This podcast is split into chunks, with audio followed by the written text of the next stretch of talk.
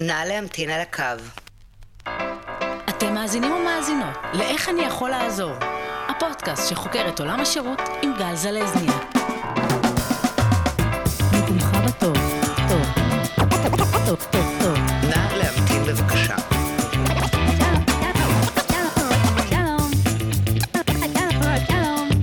נא להמתין בבקשה.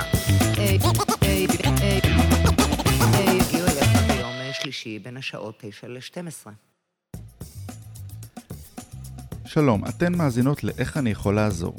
אגב, ידעתם שיש עדיין מאזינות ומאזינים שלא עשו subscribe לפודקאסט והמליצו לחברים ולחברות להאזין? זו הדרך הטובה ביותר להגדיל את קהל המאזינים ולדאוג שנוכל להמשיך להוציא תוכן איכותי. בכל מקרה, אני גל זלזניאק והיום אנחנו מארחים את אסף שמואלי, הלא הוא המשבריסט. הוא החל את דרכו כעיתונאי ופעיל סביבה, אחר כך היה גם יועץ תקשורת, והיום הוא למעשה מומחה לניהול משברים ברשת. זה אחד הנושאים שהכי מעסיקים היום בעלי עסקים קטנים וגדולים, שזה אולי הפחד הכי גדול שלהם. ננסה להבין בעזרתו קודם כל מהו משבר רשת. ספוילר, לא להתנצל. כמובן שאם למדתם ואפילו נהניתם להקשיב, אל תשכחו לעשות subscribe ולהמליץ לחברים ולחברות. אנחנו נמצאים בכל הפלטפורמות הרלוונטיות. בואו נתחיל. שלום המשבריסט, אסף שמואלי. שלום גל, מה שלומך? אה, הרוב טוב. הרוב טוב זה כבר התחלה טובה, בטח יותר מרובנו. אה, אני מאוד שמח שאתה פה, אני עוקב אחריך כבר הרבה זמן, וכשאמרתי למפיק שלי, תקשיב, אני רוצה את אסף שמואלי, הוא אמר, מה הקשר? אמרתי לו, מה זאת אומרת, מה הקשר? זה הכי קשר. היום שיימינג הוא חלק מתהליך השירות. אה, אוהבים את זה או לא אוהבים את זה. ואני רוצה, אני רוצה להתחיל בזה שאני אספר שאני זוכר את השיימינג הראשון שהתמודדתי איתו. אוקיי. אני לא אגיד לך שזה היה כזה big deal, אבל אתה יודע, בשביל הראשון תמיד מלחיץ. זה היה תן לי שנייה אחת, אני לא יודע על מה מדובר. אבל נראה לי שהיו שם שפתיים יבשות וכאב עמוק בתוך הבטן. זה היה שילוב בין כעס לבין הייתי מורשם מאוד מהבן אדם, לבין תהייה. כי זה היה, א', זה היה מאלה שלא עברו תהליך שירות, אלא ישר אמרו כמה שהכביסה לא טובה.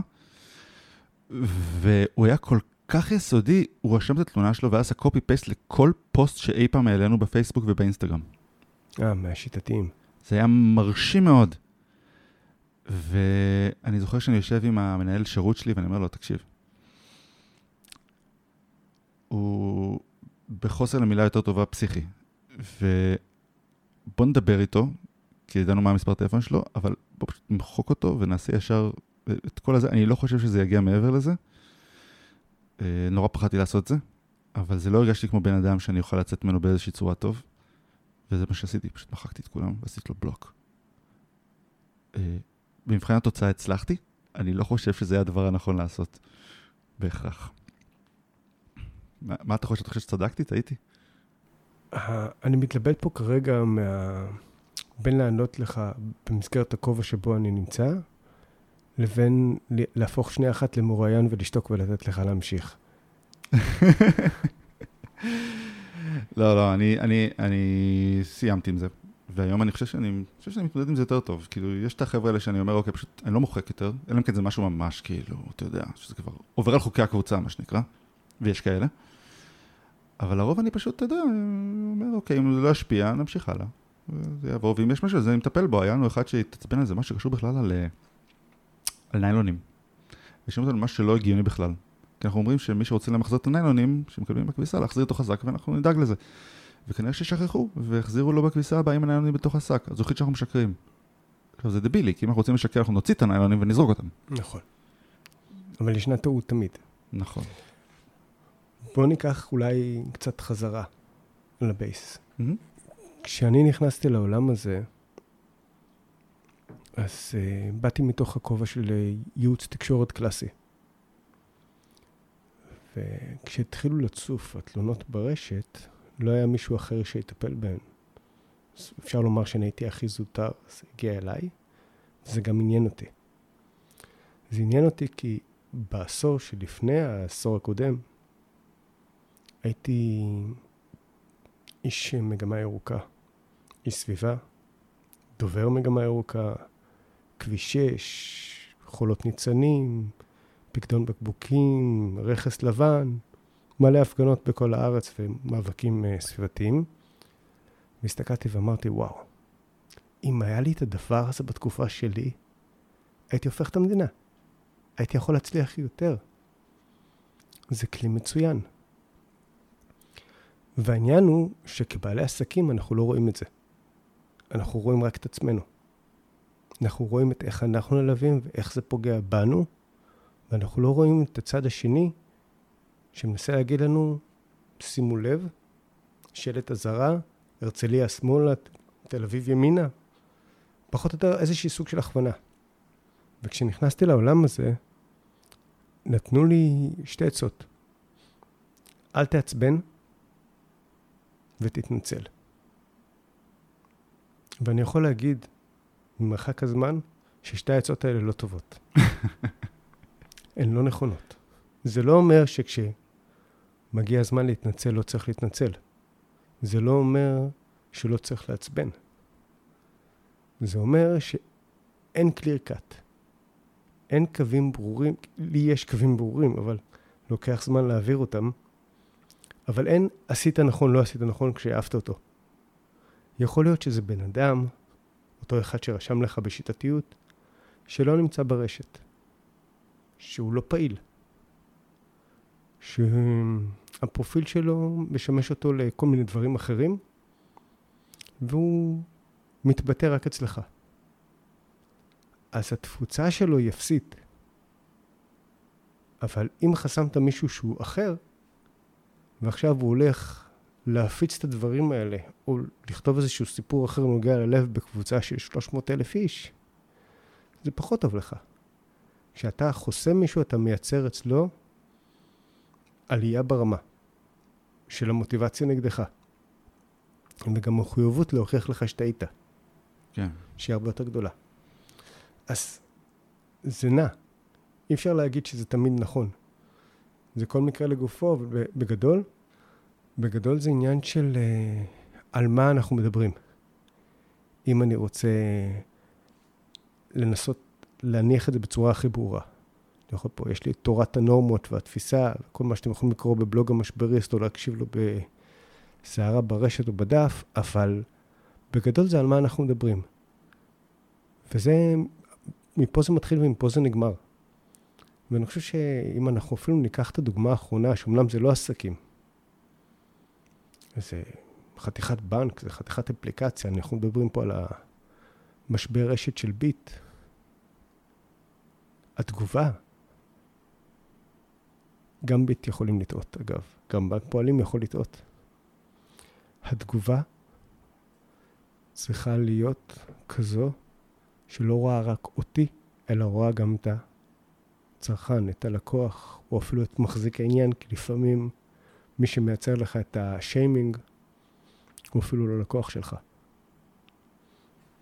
וזה, האמת שהעניין של ביט הוא נורא, הוא נורא מעניין, כי אני מרגיש כאילו שמצד אחד הם נתנו את, ה, את המענה המהיר ואמרו, תקשיבו, אנחנו מתנצלים, טעות, ו- ו- ונפצה את כל מי שצריך, הם אמרו, אנחנו נפצה את כל מי שצריך לפצות.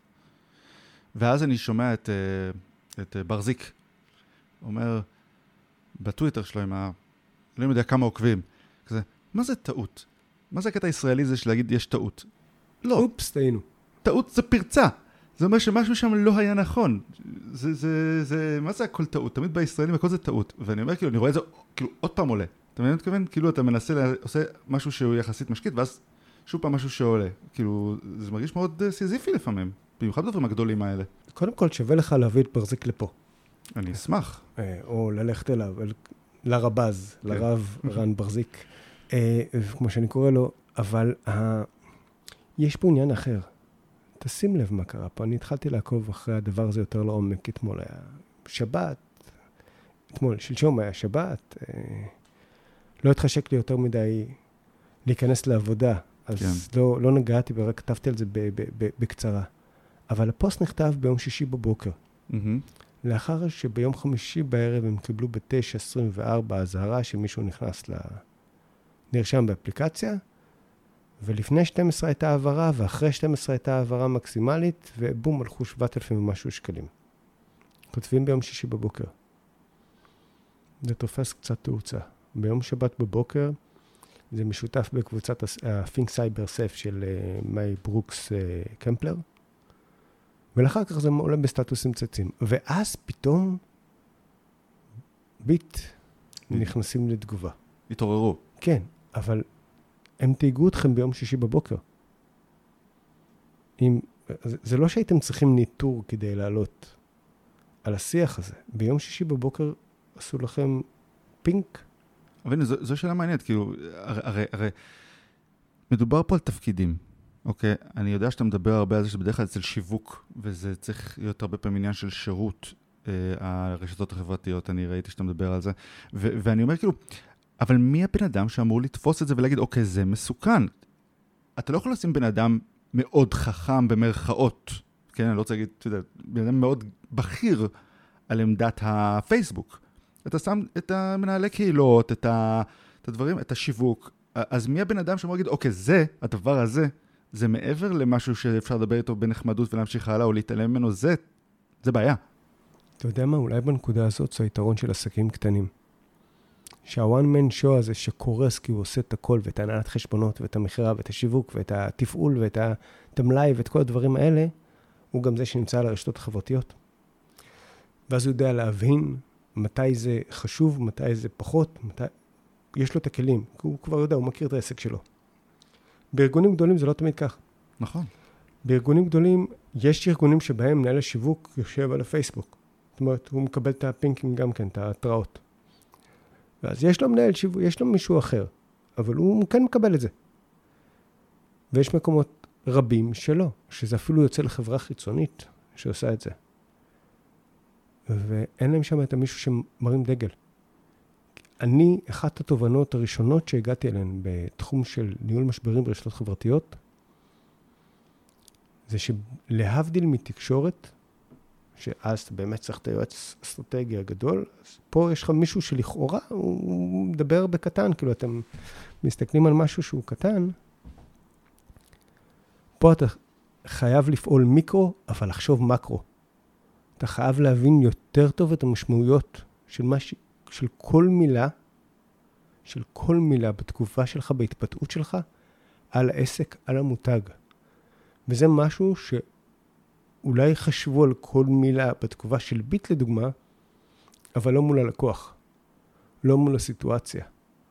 אני אחזיר אותך לאירוע שקרה לפני חודש פלוס, נראה לי בחנות של סטוק באשדוד, על איזושהי אימא לילד עם צרכים מיוחדים שעמדה בתור וניסתה להתקדם בתור בגלל התעודה של הנכות של הבן, ולא נתנו לה, וזה כמובן גם על הסטטוסים צייצים, שוב אנחנו מדברים על סטטוסים צייצים. והם הגיבו תגובה ארוכה כאורך הגלות, שמנהלת החנות הייתה 20 שנה ניסיון עם uh, ילדים עם צרכים מיוחדים ובלה בלה בלה, טה טה טה טה טה, וחינכו את האימא. עכשיו, תבינו, התגובה אף פעם לא צריכה לעסוק באירוע שהיה בחנות. היא אף פעם לא צריכה לעסוק באירוע שהיה באפליקציה שנפרצה, או שנגנבה, או שנשדדה, או שכל תיאור אחר שיתאים לדבר הזה, כי אם הייתה פרצה נכנסו עליה, או אם היה, הייתה טעות אז ניצלו אותה. היא צריכה לעסוק בכאן ועכשיו, ומה קדימה. היא כן יכולה לגעת בעבר. אבל כרגע יש מספיק אנשים שיש להם אפליקציה שדואגים. יש מספיק אימהות, יותר מדי אימהות, עם ילדים עם צרכים מיוחדים, שכרגע אומרים, אוקיי, מה יהיה איתי כשאני אכנס פעם הבאה לחנות? אומרת, תמיד יש מישהו אחר, זה אף פעם לא אתם והלקוח, זה הקהל שמסתכל גם.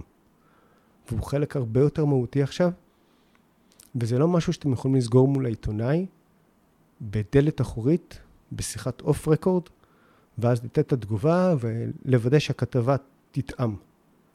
וכשאתם נותנים את התגובה, אחריה יש שרשור ארוך, ארוך מאוד. התגובה שלכם זה לא הסוף, זה התחלה לעוד שיח. אתה יודע, זה, זה, זה משהו שאני אישית חושב שהוא גם כן רלוונטי, אגב, גם לשירות לקוחות של אחד על אחד.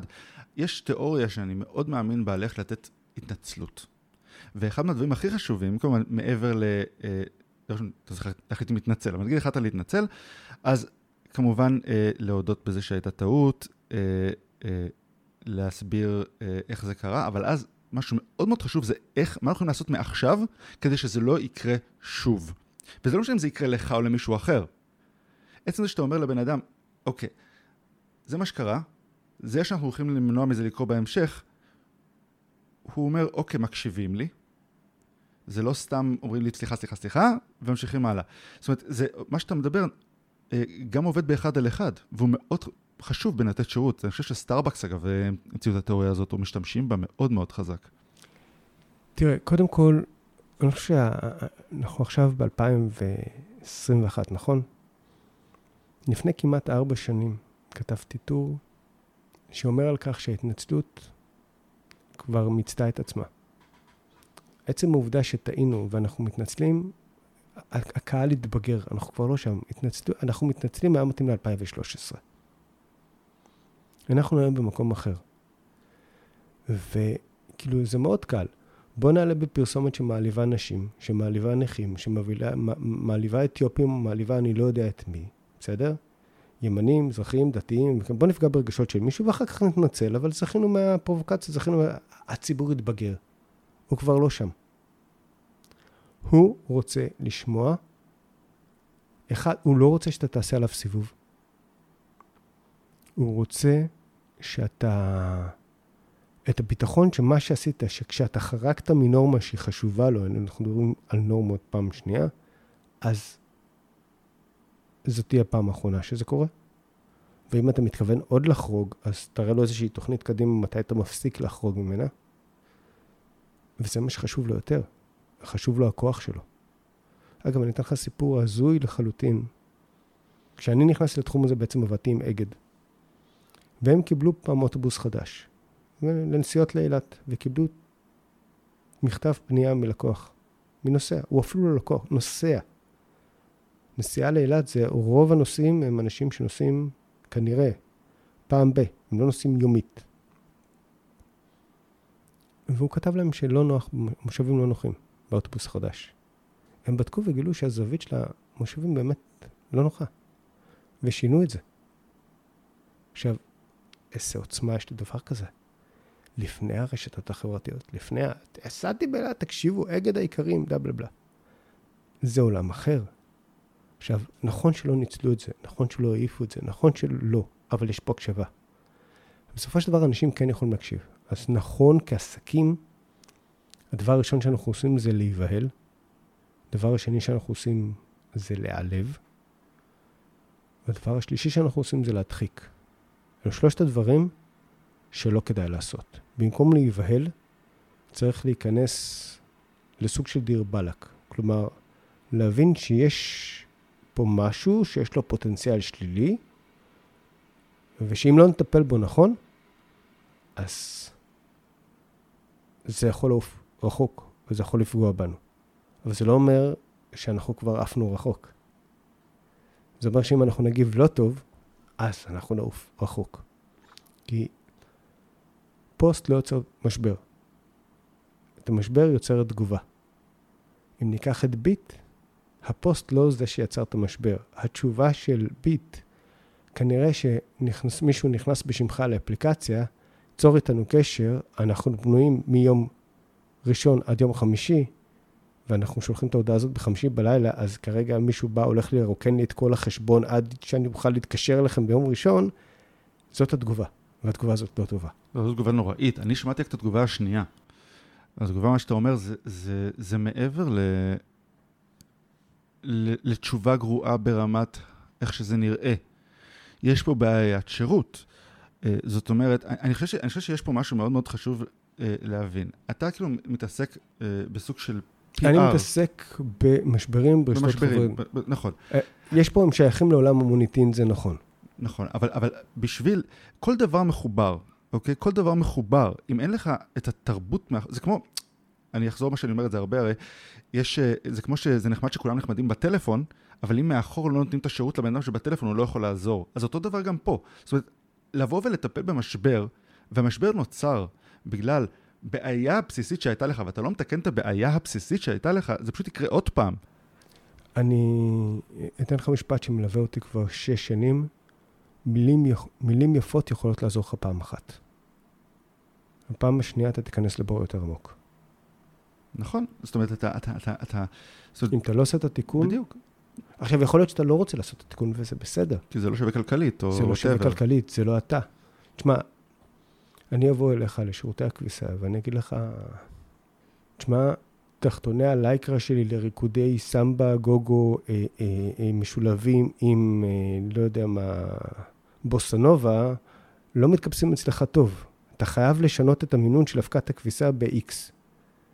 תבוא ותגיד, אוקיי, סליחה, האם אני יכול לשנות כל המערכת שלי בשביל זה? האם אני רוצה לשנות כל... אני בכלל שונא סמבה גוגו וזה, זה, בכלל כאילו לא אני, אני בכלל מעדיף רוק כבד. בסדר? זה לא אני. אז זה בסדר לא לעשות את זה, זה בסדר לא להשתנות. וצריך לדעת שזה קיים. וצריך גם את זה לדעת למסגר. נכון. זאת אומרת, זה בסדר להגיד, תקשיב, כנראה שזה לא מתאים, מה שנקרא, אנחנו לא מתאימים. אני אתן לך דוגמה, הלכתי רחוק. נניח ונכנס אליך לקוח לחנות, והמוכר שלך הוא שייך לקהילה הלהט"ב, והוא מעקם את האף כי, כי, כי הצוות שלך הם להט"בים. אתה באמת רוצה לתת לו, אה, אה, להקשיב לו ולשנות את זה שהצוות שלך לא יהיה להט"ב? כנראה שהתשובה היא לא. בטח לא במציאות שבה אנחנו חיים. אז אתה לא תהיה מזמין תמיד לכולם. אבל יהיה- תקשיב, אני, אני שמעתי עכשיו מחקר, זה, זה מזכיר לי, אה, עכשיו, לפני איזה חודשיים, שלוש, שבעצם כל דבר קונטרוורסלי שאתה עושה, הוא בא לטובתך. כי מי שמתעצבן על זה, יגיד, אוי, הסלקום האלה, ויישאר בסלקום, אבל כל מי ש... אבל יש אנשים שלא בסלקום, או, הם בעד להט"בים, אני אצטרף לסלקום. אוקיי, זו אמירה יפה. היא לא פעם מסתד... מסתדרת. אני יכול להגיד לך שלא פעם, כשאני מנהל משברים, אני משתמש בה, ואני מחשב אותה, ועדיין, אם לא מנתבים את זה נכון, אם לא פועלים נכון, אם לא פועלים בשביל זה, זה לא קורה. זה לא קורה, כי אם הקהל שלי נמצא במודיעין, ואני אה, פועל לפי נורמות שמקובלות בתל אביב, באשדוד, משהו כזה, זה לא משנה. זה שעצבנתי מישהו במודיעין, והקהל שלי במודיעין, זה לא עוזר לי אם אני מקובל באשדוד. מה שאתה בעצם אומר, אם אני מבין נכון, זה שזה נכון שזה עניין של אה, יחסי ציבור, ושל... אה, אבל, רגע, אנחנו נמצאים פה בעצם בעולם של יחסי ציבור משפטי, אה, בדיוק רציתי שירות, לשאול כאילו, אותך. איפה אנחנו נמצאים? איפה, באיזה עולם אנחנו? אנחנו בעולם הוליסטי, שהכל מתחבר. נועם מנלה מגדיר את זה העידן המחובר. והוא צודק. כי... כי זה יותר מ... מ- אתה יודע, מה זה, כשהגדירו את היחסי ציבור, מה זה יחסי ציבור? זה יחסים עם עיתונאים שדרכם אתה מגיע לציבור. אתה לא נוגע בציבור, אתה נוגע בעיתונאים. זה יחסים עם עיתונאים. זה מה שהיה פעם ב- ב- ב- בכדורגל, בביטלס, קצין תקשורת. זה היה מה שהיה פעם יחסי ציבור. היום יכול להיות שמה שאנחנו, כשאנחנו נוגעים ברשת זה יחסי ציבור אמיתיים, כי אנחנו עושים יחסים עם הציבור, יחסים שהם סבירים, כן? לא פה ברמיזות. וזה נכון, אתה יכול לקרוא לזה ככה, אבל זה גם שירות. ולא מזמן דיברתי עם אה, יונתן איבגי, המנהל שיווק של אה, DHL באקספרס ישראל. הוא מדבר באופן ברור שאצלו שירות זה שיווק, הוא מתייחס לזה באותה נקודה. ואנחנו מדברים על שירות זה שיווק, ואנחנו מדברים גם על, אה, אני אפילו אתן לך דוגמה אחרת, שמדברים, אחת הדוגמאות הקלאסיות בכל התחום של משברים ברשתות חברתיות, למרות שזה לא היה משבר, זה היה אירוע שיימינג, זה הצפרדע בחסה של כרמל יבולים.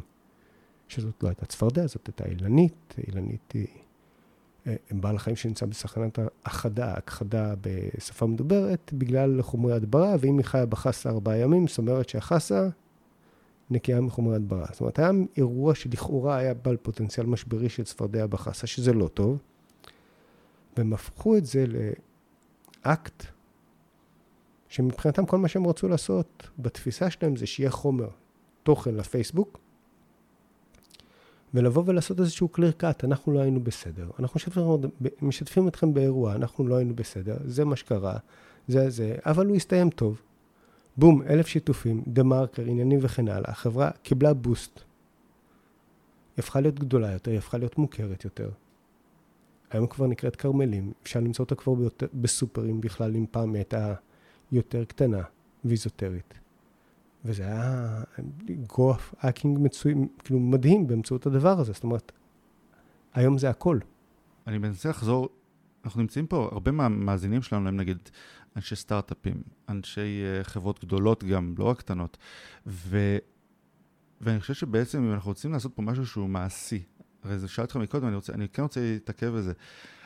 לי זה נשמע, עכשיו שאתה מדבר על זה, על מי בעצם צריך להיות אחראי על זה. אנחנו יודעים שכאילו בחברה גדולה אתה לא תשים, המנכ"ל לא, לא יישב ויראה את כל תגובה, כל תיוג שיש באינטרנט, זה מטורף. לא, אבל אם המנכ"ל יקדיש חמש דקות מהיום שלו, כמו שצביקה ונדר, המנכ"ל של מכ"ם ניטור ברשת, אה, אומר, חמש דקות, לא יותר מדי, חמש דקות, היכולת שלו לקבל החלטות נכונות, שמחוברות לא רק לוויז'ין העסקי, הכלכלי, הפיננסי, התפעולי, יהיו הרבה יותר טובות. הוא יחוש את הקהל בחמש דקות. זה אחד. שתיים, השיווק. אם אתם מקשיבים לרשת, זה יעזור לכם לבדל את עצמכם הרבה יותר טוב.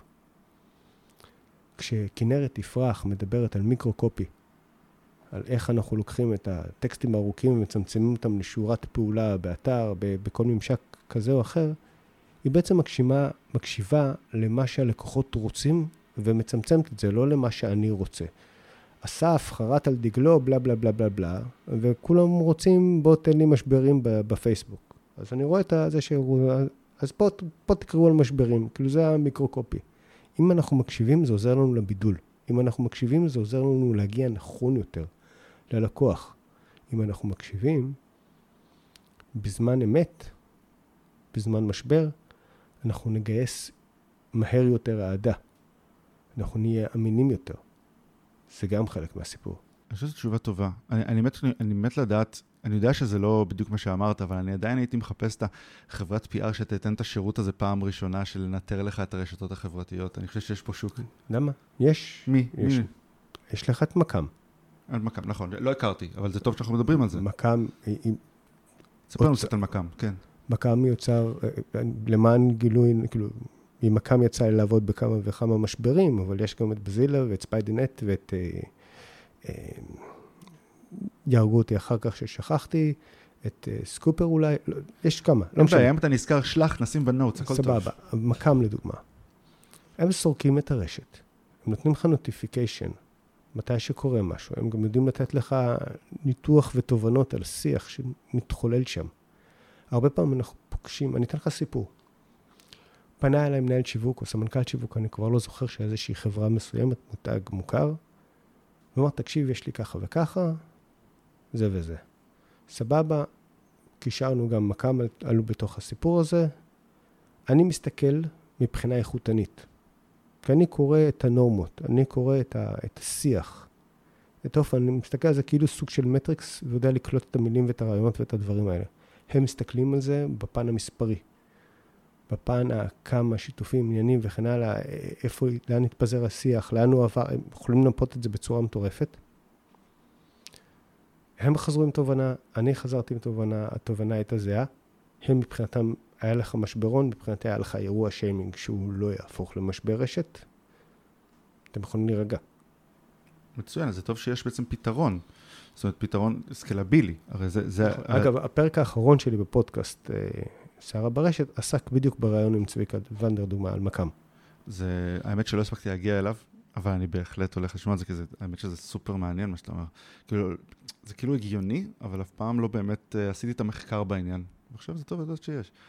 אם אנחנו מדברים על דברים טכניים, אני, יש לי עוד שאלה שהיא מאוד טכנית, אני חושב שהרבה פעמים אנשים נפגשים, אני, אני, אני מדבר עם אנשים כאילו, עם בעלי עסקים אחרים. שיימינג ולשון הרע זה אותו דבר? אה, לא.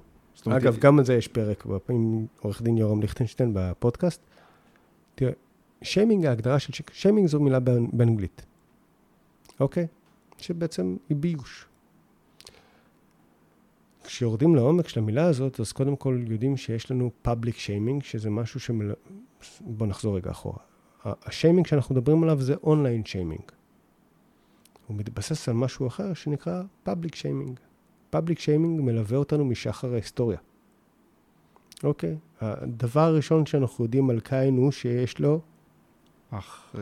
היה לו אח. מניאק. היה לו אח. אוקיי? כן. והוא מסתובב עם איזשהו משהו שמסביר שהיה לו כן. אח לכל מקום שהוא לא ילך. זאת אומרת, יש לו אות בושה, אות קין נכון, עליו נכון. מהרגע הראשון. זאת אומרת, מה, מה, משחר ההיסטוריה האנושית, או לפחות מסיפור, מסיפורי התנ"ך הראשונים, הבושה מלווה אותנו לכל מקום שבו אנחנו הולכים. זה גם כמה העונש הזה כבד. נכון, אך בושה, ה- הרעיון שלה הוא לשמר נורמות חברתיות, מוסכמות. לא תרצח, לדוגמה, נורמה קטנה כזאת. אה, לא משהו רציני. הוא חרג ממנה, יש לו אות. היא מלווה אותנו לאורך ההיסטוריה. ותמיד היא הייתה שם. מי שהיה עושה אותה זה המלכים. אם היו, היית פוגש בימי הביניים מישהו בלי יד ימין, אז היית יודע שהוא גנב לחם, ואם היית פוגש אותו בלי שתי ידיים, אז היית יודע שהוא קשה הבנה, ולאט לאט זה היה מתקדם עד שהעיתון היה זה שעושה את השיימינג. העיתון היה אומר, אה, תסתכל על מוניקה לווינסקי בשנות ה-90, פאבליק שיימינג היא עברה. היום, סיפור של מוניקה לווינסקי היה מתהפך בתוך שניות. שאנשים היו כותבים, "ר- רגע, רגע, רגע. מי שאשם זה בכלל הוא, הוא ניצל את מעמדו, הוא ניצל את סמכותו. קלינטון היה, לקלינטון יש מזל שהמקרה עם מוניקה לווינסקי היה בשנות 90 לפני עידן הרשתות החברתיות. מה קרה? זה אחד, הרשתות החברתיות שברו את הקונספט הזה שיש מישהו שמגדיר מהי בושה, מהי נורמות חברתיות מוסכמות, ולכן כשהוא איבד את היכולת הזו, הוא, יכול, הוא איבד גם את היכולת רק הוא לבייש. גם אני יכול לבייש. כל אחד יכול לבייש על כל נורמה שהוא רואה לנכון. אתמול, אני גר במודיעין, בקבוצת מודיעין שלנו, אה, עלה איזשהו פוסט על אה, אה, מורה לנהיגה שבחר בדרך מסוימת שהיא מאוד עמוסה אחר הצהריים להעביר בה את התלמידה שלו. ונכתב על כך פוסט זועם בקבוצת הפייסבוק העירונית, וואו. ואתה רואה 40 לייקים ו-200 תגובות. כשאתה רואה 40 לייקים ו-200 תגובות, זה סימן שכנראה לא מסכימים עם דעתו. והוא ניסה לעשות שיימינג למורה, וכתוצאה מזה הוא חטף בעצמו שיימינג מכל התגובות. זאת אומרת, מורה הנהיגה היום יכול להיות רגוע, הכל בסדר איתו. זאת אומרת, אין לנו מונופול על מי שעושה את הביוש. וכשמישהו עושה ביוש, מה שהמטרה שלו בגדול לעשות, זה לא לפגוע, זה לא להעליב. זה לומר, היי אתה, אתה חרגת מנורמה חברתית מסוימת, שאני מסכים איתה. אתה לא חייב להסכים איתה. כן, אבל, אבל עדיין יש לך פה מקומות. תראה, אני אתן לך דוגמה... עכשיו, שנייה אחת, כן, סליחה. כן, כמובן. בין זה לבין הוצאת לשון הרע יש ים. כי הוצאת לשון הרע, מבחינה משפטית קלאסית טהורה, זה אתה, אה, אה, סתם דוגמה, אם, אם אתה צעקת על עובד שלך, לא אתה, כי מישהו עוד יכול לחשוב, לחשוב שזה, אם שלומי צעק על העובד שלו, לא שלומי אתה, אבל לא משנה, שלומי אחר צעק על העובד שלו, ומישהו אחר זיהה את זה והעלה את זה לרשת, שלומי יכול להתלונן עד מחר, הוא עשה משהו נכון. כאילו, מי שפרסם כתב משהו שהוא נכון. עניינו, לא עניינו, הוא לא רוצה לקנות, חשוב לו היחסים של עובדים, חשוב לו מקומו של העובד, חשוב לו תרבות וערך, הוא לא יקנה ממך כי אתה צועק על העובדים שלך. אבל אם הוא יבוא ויגיד מבחינה משפטית, הוא, לא יודע, אם הוא יבוא ויגיד, הוא צעק על העובדים שלו שהוא בעצם לא צעק עליהם, אז אנחנו פה כבר בעניין של הוצאת לשון הרע.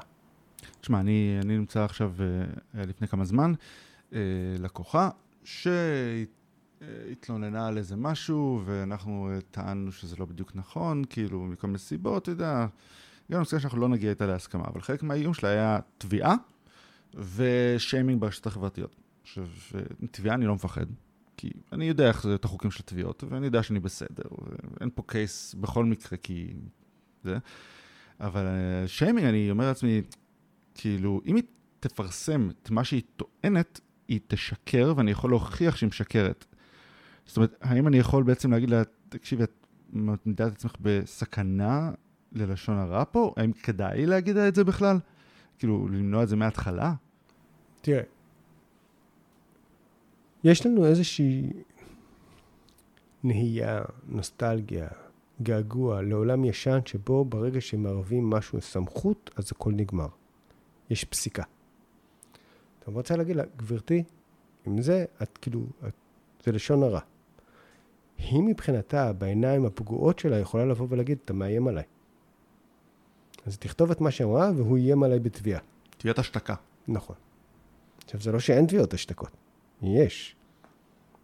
אבל ככה אתה כבר לא, ממקום שבו אמרו עליך שהחזרת ניילונים, לא החזרת ניילונים, הכביסה הייתה ככה, הכביסה לא הייתה ככה, אתה גם הופך להיות משתיק. ומשתיק זה יותר חמור מהכביסה ככה או לא כביסה ככה. אז אם אנחנו מדברים שוב פעם על המילה המגונה הזאת, נורמות, אז הנורמה של להשתיק היא נורמה הרבה יותר משמעותית מאשר כן כביסה, לא כביסה, כן שירות, לא שירות, היה עודף, פחות עודף. זה אחרת. זו נורמה שהיא יותר חזקה והיא הרבה יותר בעייתית. לא הייתי נכנס לשם. עכשיו, הנושא הזה של ביוש הוא מורכב, כי הוא גם מורכב ממוניטין. אתה חרד מפגיעה במוניטין שלך, אבל יכול להיות מאוד שדווקא התגובה שלך תפגע במוניטין שלה. כן. אבל לפעמים יכול להיות מאוד שהתגובה שלך תהיה כזו שתגרום להרבה יותר אהדה כלפיך. אני אתן לך דוגמה, אפילו, אנחנו פה מהאזור, אז בכלל, יש, אה, אנחנו פה כרגע באזור אה, השרון, לידינו יש אה, בכפר סבא, אני חושב, מסעדה שקוראים לה האשה, או משהו בסגנון כזה, של איזושהי מישהי שזכתה או השתתפה במאסטר שף, לא זוכר, לא, לא יותר מדי, ואיזושהי מישהי אחרת כתבה במהלך הקורונה על המסעדה שהמחיר למנת שרימפס ראשונה, 49 שקלים, ולקבל שלושה שרימפסים היא הרבה ככה וככה וככה וככה. אז בקבוצה של הכפר סבאים, בלה בלה בלה, עניינים, טקטה, בעלת העסק אמרה לה, תקשיבי, יכול להיות שזה 49 שקלים זה יותר, אבל כשאני מחשב את העלות, את העובדים, את הזה, את הפה, את השם, את ההוצאות, זה, אחורי, זה, כאילו, לא הרווחתי עליה הרבה. אני רוצה גם להתפרנס. והכפר סבאים, עד שיש לנו מסעדה כזאת אצלנו, ואנחנו לא צריכים לנסוע לתל אביב, מי את שתאיימי על פרנסתה? יצא שמי שפרסמה את הפוסט, שוב, אנחנו עושים, חוזרים פה המושג הזה של סלף שיימינג, זאת אומרת, המוניטין שלה נפגע. אז לא תמיד צריך להיבהל אם יש שיימינג. זאת אומרת, צריך לנסות לקרוא את המצב הזה בעיניים קצת יותר קרות. אתה יודע מה, זו העסקה, זו העצה הראשונה שקיבלתי מלקוח. אני זוכר כש, כשהייתי בעל עסק צעיר לחלוטין, ודיברנו קודם בינינו על זה שבאתי בכלל ממנטליות של שכיר, אשתי אמרה לי שיש איזשהו פוסט על איזושהי מסעדה, הלכתי אליהם אמרתי, שמעתי שיש לך גם איזשהו בוס כזה, אני מטפל בזה, שמתי כרטיס, ברחתי, כאילו, שיחת מכירה, מי מדבר על הדברים האלה, כאילו, אתה יודע, עסק צעיר, כאילו, בן יומו. חזר אליי בעל העסק אחרי זה בטלפון, אני ניסיתי לרדוף אחריך, נסעתי אליו עוד פעם וכן הלאה. טיפלנו במשבר, פתרנו, הפכנו, חלק מהדברים שדיברנו עליהם פה, שהיה צריך, כאילו, גם אם הוא לא טעה לגמרי, הוא היה צריך להציג איזשהו שיפור, שינוי מסוים, גם זה הטמנו שם, הכל, ואז הוא אחרי שזה נגמר, הוא נתן פידבקים, שמאוד נתנו לי כוח להמשך הדרך, אבל הם לא רלוונטיים, אחד כן. הוא אמר, תקשיב, כשזה קרה, אני חשבתי מהבטן. הבטן שלי התכווצה. הלב שלי כאילו הצטמק. ואתה באת וחשבת עם הראש. הסתכלת על זה ברציונליות מלאה. וזה אולי הסוד לנסות להבין, כי יש פה, הוא מרגיש ככה, זה מרגיש ככה. השיימינג זה השיח בין אנשים שלא מסכימים כרגע על רקע נורמות, או אי הסכמה על נורמות, או טענה לחריגה מנורמות. שאם ניקח את האירוע עם, ה, אה, אה, עם הלקוחה שלך, היא טענה שחרגת מנורמות. יכול להיות שאתה מסכים לנורמות שלה, אבל אתה לא מסכים לעובדה שאתה חרגת מהן. וזה השיח, והשיח הוא כרגע עולה על עצים, הוא לא שיח שהוא לא לא חוקי. איפה השיח הוא לא לא חוקי? כשאתה, הוא הופך להיות דיבה, כשאתה הוכחת שזה לא, והיא מתעקשת שזה כן, אחרי שהיא מתעקשת לנסות ליצור ממך איזשהו אלמנט מסוים נוסף, לגבות ממך תג מחיר אחרי שהוכחת שזה לא, זה כבר יכול להתפרש כלשון הרע. אגב, אחת הטעויות של אה, לקוחות זה שהם מאיימים בשיימינג. זה כבר לא שיימינג, זה סחיטה באיומים. בדיוק. וזה אחד הכלים הטובים ביותר של בעלי עסקים. לבוא ולהגיד, כאילו, היי מיכל, שוב אנחנו נפגשים. בפעם האחרונה איימת אליי שאם אני לא אעשה ככה, אז תכתבי עליי בפייסבוק, והרי מימשת את הבטחתך, את איומך. אז בואי נוריד את סך האיומים מהשולחן ונדבר ביזנס. א', ב' וג'. אני מבין ש... אבל, טה-טה-טה-טה. בקטע הזה, פתאום ממשתיק, הפכת להיות מישהו שהוא קורבן לסחיטה באיומים. זה עולם אחר. אה, למי שלא רואה אותנו, עשיתי תנועות עם הידיים כרגע. אני, אתה יודע, זה מסוג הדברים ששומעים דרך המיקרופון, עם הידיים. Uh, תודה רבה. תקשיב, זה היה מה זה מעניין. ואני יכול להמשיך לדבר עכשיו עוד שעה, אבל הקצבתי לזה 40 דקות, אז זה לא הוגן שאני אמשיך מעבר לזה. יש גם אה, את התחנה הבאה. אה, ממש טוב שהיית איתנו. אני אשאיר בנוטס את כל הכישורים לכל המאמרים והפודקאסטים שדיברנו עליהם, הפרקים. ו... וזהו, תודה רבה. תודה לך, תודה למאזינים שהאזנתם עד לפה. ואם אתם נהניתם מהפרק, אל תשכחו לעשות subscribe, לדרג אותנו באפליקציית הפודקאסטים שלכם ולספר לאנשים שאתם חושבים שיכולים להפיק ממנו תועלת. שבוע טוב ובהצלחה.